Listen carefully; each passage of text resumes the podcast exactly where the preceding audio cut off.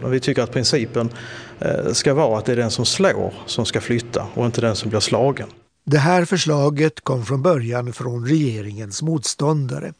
Men efter lite väntetid har regeringen nu gått med på att ändra lagen. Äntligen, säger Morgan Johansson. Och jag är väldigt glad då att, att regeringen nu eh, levererar en sån eh, lagstiftning, även om det har tagit två år så att säga. Va? Om det finns en risk att en kvinna kan bli slagen av en hotfull man så kan det bli förbjudet för mannen att träffa kvinnan. Samma sak gäller förstås om en kvinna är hotfull och våldsam. Om paret fortfarande bor ihop så kan den våldsamma personen också tvingas att flytta ut. Men det är ganska ovanligt. Som det är idag används kontaktförbud mest när ett par redan har flyttat isär.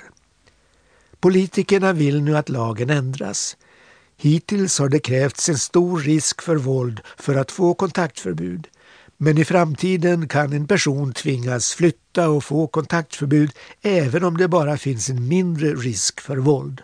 Så här säger Beatrice Ask i regeringen om de nya reglerna. Vi har sett att de regler vi har haft inte har räckt till och då, då vill vi försöka göra förbättringar.